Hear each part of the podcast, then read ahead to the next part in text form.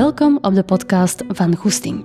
Een podcast die gaat over identiteit, persoonlijk leiderschap en ondernemerschap. Ik ben Anne-Sophie, coach in persoonlijk leiderschap en organisatieontwikkeling en samen met mijn collega's van Koers bouwen wij aan een wereld waar individuen, teams en organisaties even stilstaan bij een kern. Hun waarden, sterktes, drijfveren, visie enzovoort. Zodat ze vanuit deze fundamenten kunnen groeien op lange termijn. Met veel goesting. Hallo, hier zijn we weer. Een nieuwe podcastaflevering. Vandaag gaat het gaan over hoe dat je kunt omgaan met uh, mensen die een ander karakter hebben, mensen die um, helemaal anders als u lijken te zijn. Um, en dat zou goed kunnen dat dat soms fricties geeft in relaties. Nu, vandaag gaan we het dus daarover hebben. En je weet intussen ook wel al dat onze podcastafleveringen gemaakt worden op basis van thema's die vaak voorkomen in coachingsessies. Ik ben dus even gaan nadenken waar dat echt wel heel vaak terugkomt. En in deze is er echt wel ene die dat we heel vaak tegenkomen. Um, het is zelden rechtstreeks een vraag van iemand. Dus het is niet dat iemand naar ons komt met rechtstreeks de vraag hoe ga ik om met ander karakter. Um, maar we merken dat uh, vragen zoals uh, vragen rond miscommunicatie, conflicten, zowel thuis als op de werkvloer, dat dat vaak uh, thema's zijn die te maken hebben met um, ja, gewoon wie dat we zijn en hoe dat we in het leven staan en dat dat soms anders is als andere mensen. Nu, om te beginnen wil ik u kort even de metafoor van de ijsberg toelichten. Als je mij volgt op uh, Instagram, dan zult je deze al zeker hebben zien passeren. Misschien kent je hem ook. Het is eigenlijk een vrij bekend uh, principe. Ik vind het soms een beetje verouderd als in... Um, je moet met mijn uitleg natuurlijk ook wel een beetje een korrel zout nemen, maar het gaat meer over het uh, principe. Nu, moet u eens een ijsberg voorstellen. Um, en wat je ziet van een ijsberg, dat is eigenlijk maar 10%. En dat is eigenlijk het stuk dat boven het water uitsteekt. Nu, wat je niet ziet, de 90% zeg maar, van een ijsberg, dat bevindt zich onder water. Dus dat zie je niet. En zo is dat ook met mensen. Wij zien eigenlijk maar 10% van elkaar. Maar wat je ziet van iemand, maar ook of wat je toont van jezelf, dat wordt wel volledig aangedreven vanuit de motor. En dat is de 90%. Dat is de onderkant van de ijsberg. Dus zowel wat je ziet bij anderen wordt volledig gedreven door die motor onderaan, zeg maar, maar ook wat jij zelf toont, is volledig afhankelijk en wordt volledig gedreven vanuit uw, um, uw motor en dus eigenlijk de onderkant van uw eigen ijsberg. Ja? Nu, die 10% waarover gaat dat nu? Dus wat je ziet bij iemand anders, dat is bijvoorbeeld um, de kledingstijl, een bepaalde job dat iemand heeft. Misschien dat iemand een heel succesvolle job heeft. En dan laat ik nog in het midden wat dat succes is, want dat is voor iedereen anders. Um, de manier van communicatie is ook heel duidelijk bij iemand. Het enthousiasme dat iemand uitstraalt, bijvoorbeeld. Dus echt de eigenschappen um, die dat heel uitsprekend zijn. bijvoorbeeld uh, het feit dat iemand uh, altijd heel veel vragen stelt, heel goed luistert. Of misschien dat iemand een hele goede spreker is, heel goed is voor groepen. Dat zijn eigenlijk allemaal dingen dat je kunt zien van iemand. Dat is de 10% van de ijsberg. Maar wat je niet ziet van die persoon, is dat die persoon misschien wel ongelukkig is in die job, maar die job eigenlijk niet durft te verlaten omdat hij in een gouden kooi zit. Wat je misschien ook niet ziet, is dat die persoon die dan wel heel extravert overkomt, dat hij dat eigenlijk doet uit onzekerheid van wat andere mensen van hem gaan denken. Of je ziet ook niet dat iemand heel veel vragen stelt, omdat hij heel veel interesse heeft in mensen en zoekt naar diepgang uh, in gesprekken. Dat zijn dus allemaal dingen dat je niet uh, ziet. En wat je niet ziet van iemand zijn de verlangens, de drijfveren, de waardes, de gevoelens, de rugzak dat iemand meedraagt, de opvoeding dat iemand heeft meegekregen enzovoort. Maar al die dingen die maken wel dat een persoon is wie hij of zij is. En dat is dan hetgene wat je ziet van iemand. Ja? Nu, waarom is deze een belangrijke? Iedereen is anders. Elke ijsberg ziet er anders uit. En iedereen heeft ook. Je, kunt nooit 100% hetzelfde zijn als iemand anders. Je kunt nooit 100% verwachten dat iemand anders weet wat jij denkt of wat jij voelt. Ja? En weet ook dat iemand die een ander karakter heeft als u, of eenmaal anders in elkaar zit als u, wat dus ook ergens logisch is, want iedereen zit anders in elkaar, dat die persoon u wel zou kunnen triggeren. Je hebt altijd mensen die u wat sneller gaan triggeren als anderen. En dat heeft natuurlijk te maken met um, welke mate dat die persoon wel eigenschappen heeft die dat jij ook hebt of niet. Hè, zie je? Daar gaan we het eigenlijk vandaag over hebben. Nu, voor alle duidelijkheid, als ik spreek over anders zijn, dat gaat puur over andere karaktereigenschappen of zo, of een andere visie op dingen. Um, het, ik, iedereen is... Maar ik ben aan het stotteren. nu al aan het stotteren. het is nog niet begonnen. Um, iedereen is gelijkwaardig en er is geen beter of slechter. Dus als ik vandaag voorbeelden geef, er is geen beter of slechter. Iedereen is wie hij is en het is heel belangrijk dat we op die manier ook naar mensen gaan kijken. Ja? Nu, je moet weten dat wat je ziet van iemand, dat dat dus maar 10% is van zijn of haar persoonlijkheid. En laten we eens beginnen met de eigenschappen. Want iedereen heeft eigenlijk een unieke set aan eigenschappen. En wat is een eigenschap? Dat is zoiets als bijvoorbeeld hè, uh, gestructureerd zijn, empathisch zijn, uh, logisch kunnen nadenken enzovoort. Dus afhankelijk wat je eigen eigenschappen zijn, afhankelijk wat de eigenschappen zijn van de andere, gaat het dus ook andere noden hebben. Ja? Een voorbeeld. Stel dat jij um, heel gestructureerd bent en je haalt daar ook energie en rust uit, maar uw collega of uw baas of uw klant, die heeft een meeting gepland op vrijdag en die heeft u niks van info gegeven. Dus je hebt totaal geen idee waarover het gaat. Geen voorbereidingsvragen, geen agendapunten, geen reden voor de meeting. De kans bestaat dat je dat heel lastig gaat vinden. Want van nature uit zet je iemand die zich graag voorbereidt, zowel mentaal als inhoudelijk. Dus naast dat je dat vervelend gaat vinden, zou dat zelfs kunnen dat je er wat stress van gaat krijgen. En hier is het belangrijk, want als deze ene keer voorkomt bij die persoon, dan gaat dat snel vergeten, maakt dat ook niet veel uit. Maar als dat regelmatig voorkomt bij dezelfde persoon, omdat je misschien met die persoon vaak moet samenwerken of samen zijn, dan zou het kunnen dat je een frustratie gaat ontwikkelen ten opzichte van die persoon. En dat is jammer. Dat is logisch ergens. Uh, als je er allemaal niet bewust van bent, natuurlijk. Daarom dat ik deze podcast maak.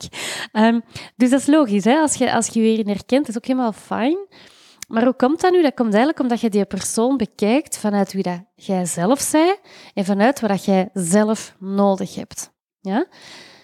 Die andere persoon, die ziet dat helemaal anders, want die heeft andere noden. Dus in dat opzicht is dat ook ergens logisch dat je dan dus een frustratie gaat ontwikkelen.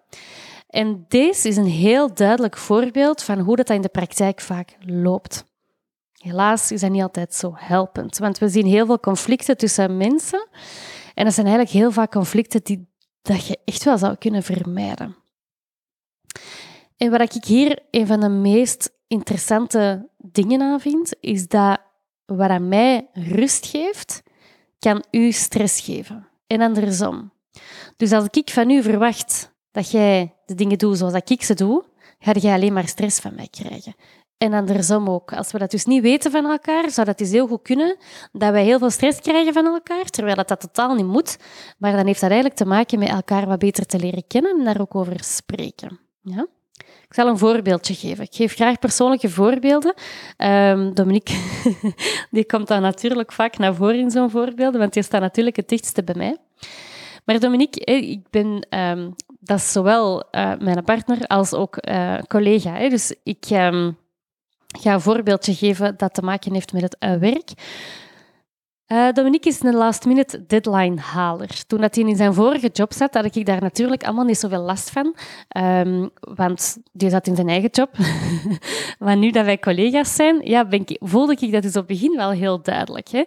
Um, wij zitten daar heel, heel anders in elkaar. Want Dominique die kan een deadline drie weken op voorhand wel al kennen. En die zal in zijn hoofd wel al bepaalde ideeën vormen. Maar die gaat pas echt eraan beginnen als die een deadline gaat naderen. Als die een deadline nadert, dan komt Dominique volledig in een soort van hyperfocus terecht. En dan kan die ook echt doorwerken, heel gefocust, heel helder en alert, totdat dat werk ook wel klaar is. Dus noods tot s'avonds laat. Ja, voor mij is dat dus pure stress. Hè? Um, ik ben geen megaplanner, maar ik wil wel een beetje op voorhand plannen, omdat ik iemand ben. Ik heb tijd nodig om mijn ideeën op een rijtje te zetten. Ik heb tijd nodig om, als ik iets heb uitgeschreven, dat ik daar nog eens over kan nadenken. Dat ik daar nog eens een andere inval zoek. Dat ik daar nog eens op een andere manier naar kan kijken, enzovoort. Dus bijvoorbeeld, Maar het vliegtuig komt hierover. Ik weet niet of je dat hoort, maar er is hier veel lawaai. Ehm, elke podcastaflevering dat ik maak, die ligt eigenlijk al een paar dagen of weken te sudderen. Op zich, dat is, dat is mijn systeem. En op die manier kan ik ervoor zorgen dat ik uh, vrij volledig kan zijn. Uh, heeft voor- en nadelen natuurlijk. Um, maar dat werkt voor mij. Ja? Bij Dominique is dat dus helemaal anders, want dat is dus veel meer een last-minute deadline-haler. Maar ik krijg dus stress van zijn aanpak, maar hij krijgt ook stress van mijn aanpak. Als ik van hem zou verwachten om weken op voorhand uh, al, al dingen op te schrijven en daarmee bezig te zijn, zou hij daar stress van hebben. En dan kan hij ook helemaal niet uh, daar alert over nadenken. Dus dat zou gewoon niet werken. Dus als wij dat niet weten van elkaar en wij verwachten van elkaar dat een ander is zoals wij zelf, ja, dan zouden wij heel vaak in conflict zitten. Nu, gelukkig weten wij dat van elkaar. Uh, en is dat natuurlijk helemaal geen issue niet meer, omdat wij ook binnen koers, um, twee mensen van ons werken, allez, zitten echt anders in elkaar dan anders. We zijn eigenlijk vrij tegengestelde uh, personen. Maar op het begin was dat even zoeken, maar we hebben eigenlijk onze rollen binnen koers ook gewoon op een bepaalde manier um, onderverdeeld, waardoor dat, dat ook gewoon heel goed werkt.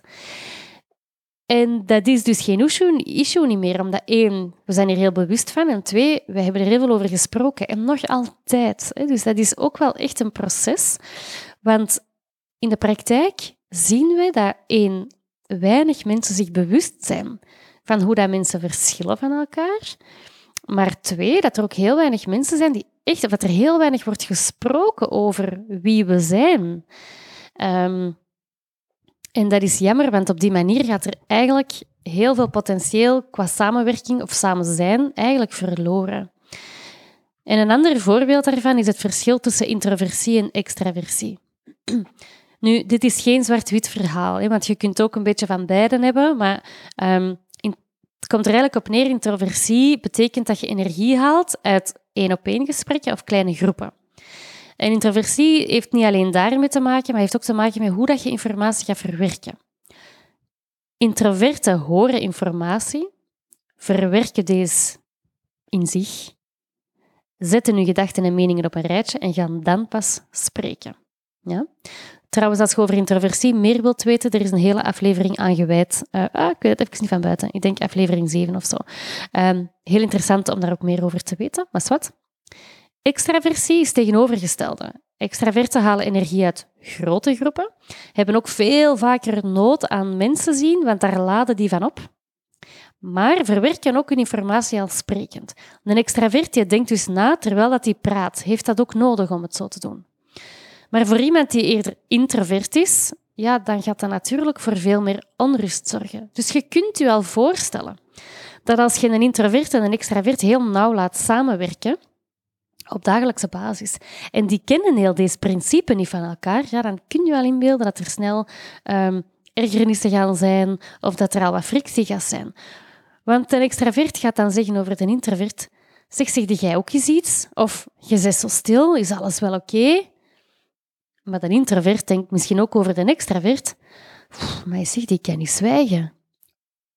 En die vindt die een extravert nogal overheersend. Ja? Dat zijn dingen die wij dus dagelijks merken in sessies. Um, en ik spreek hier nu wel echt met dat introversie-extraversie verhaal heel hard in stereotype. Ik ben even niet genuanceerd, maar want dat is een, een, een as. Hè. Je, we zijn nooit 100% introvert of 100% extravert, maar hè, you get the point. Um, deze voorbeeld maakt het wel duidelijk. Hè.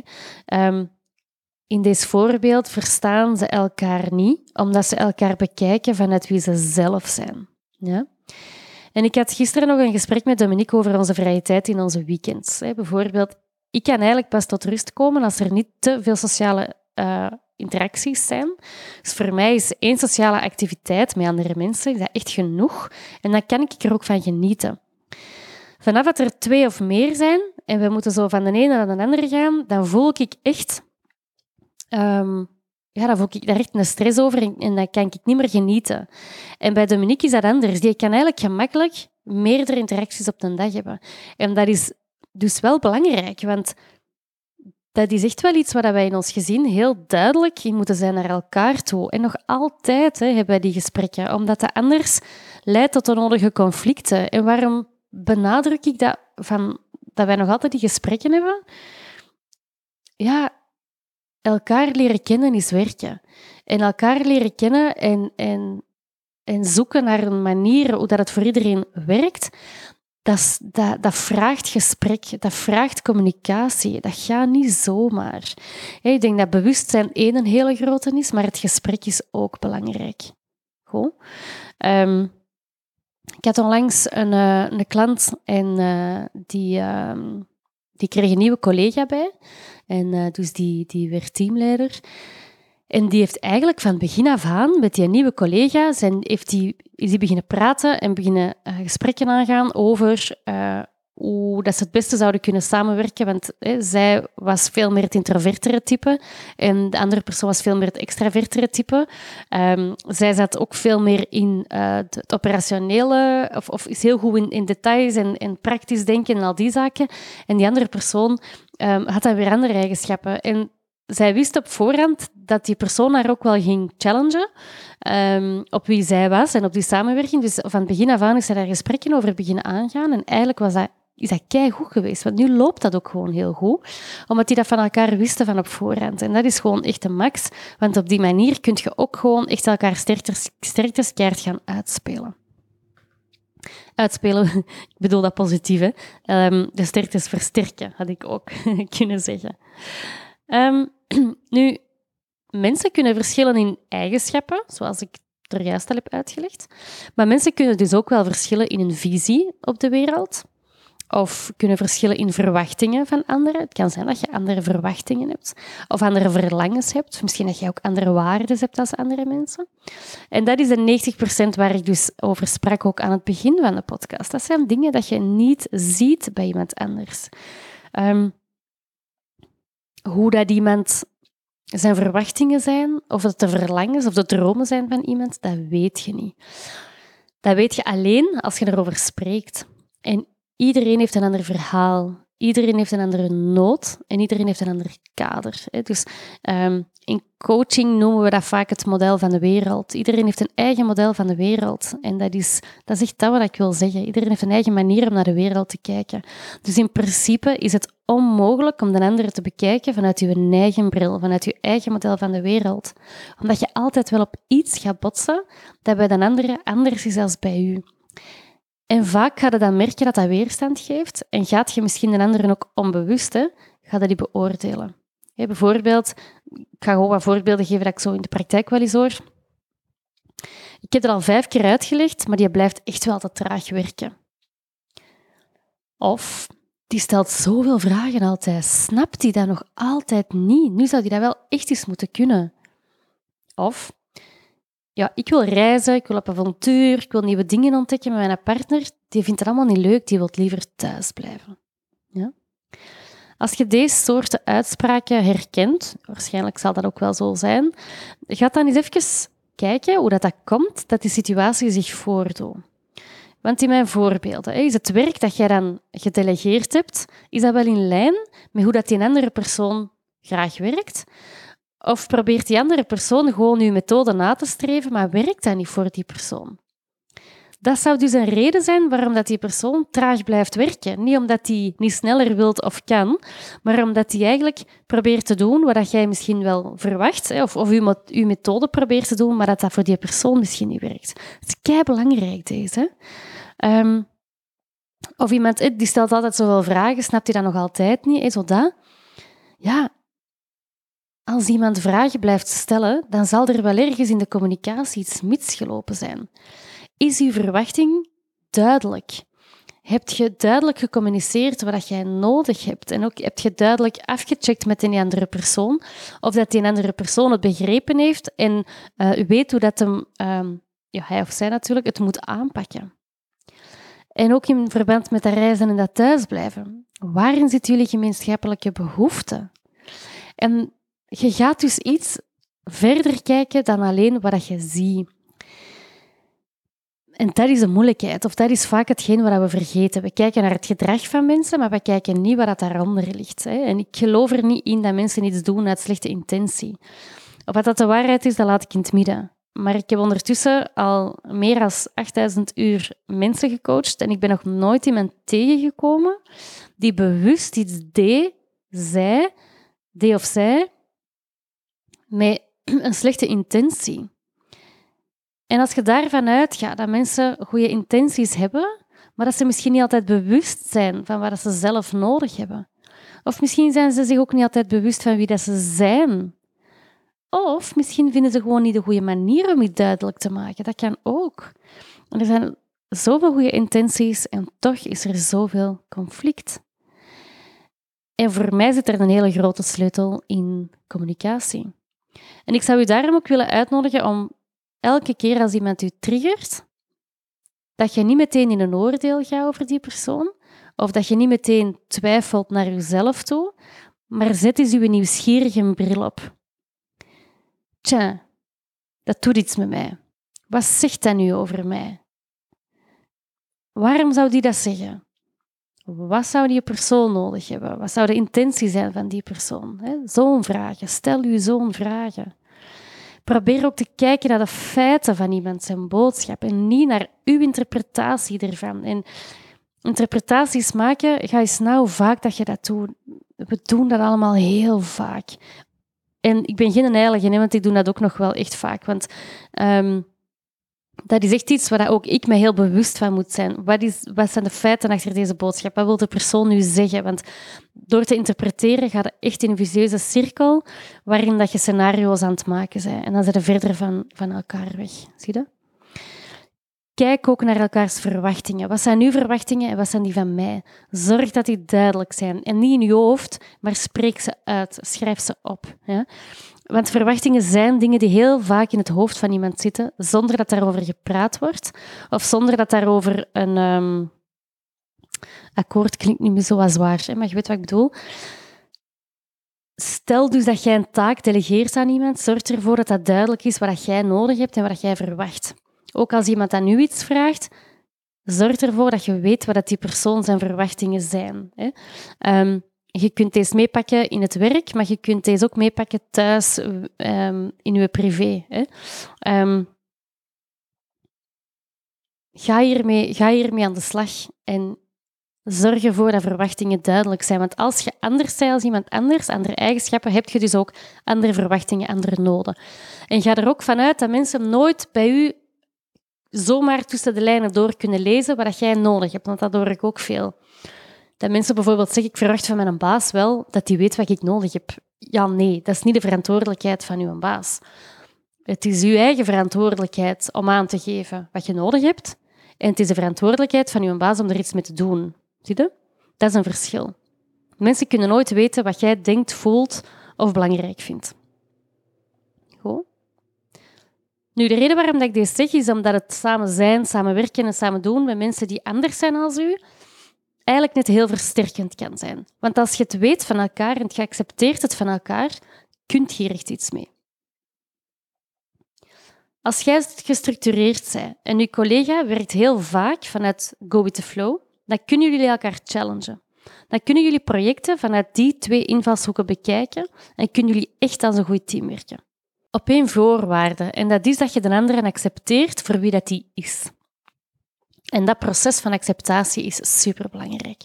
Als er geen acceptatie is, is er ook geen openheid naar wie dat een ander is.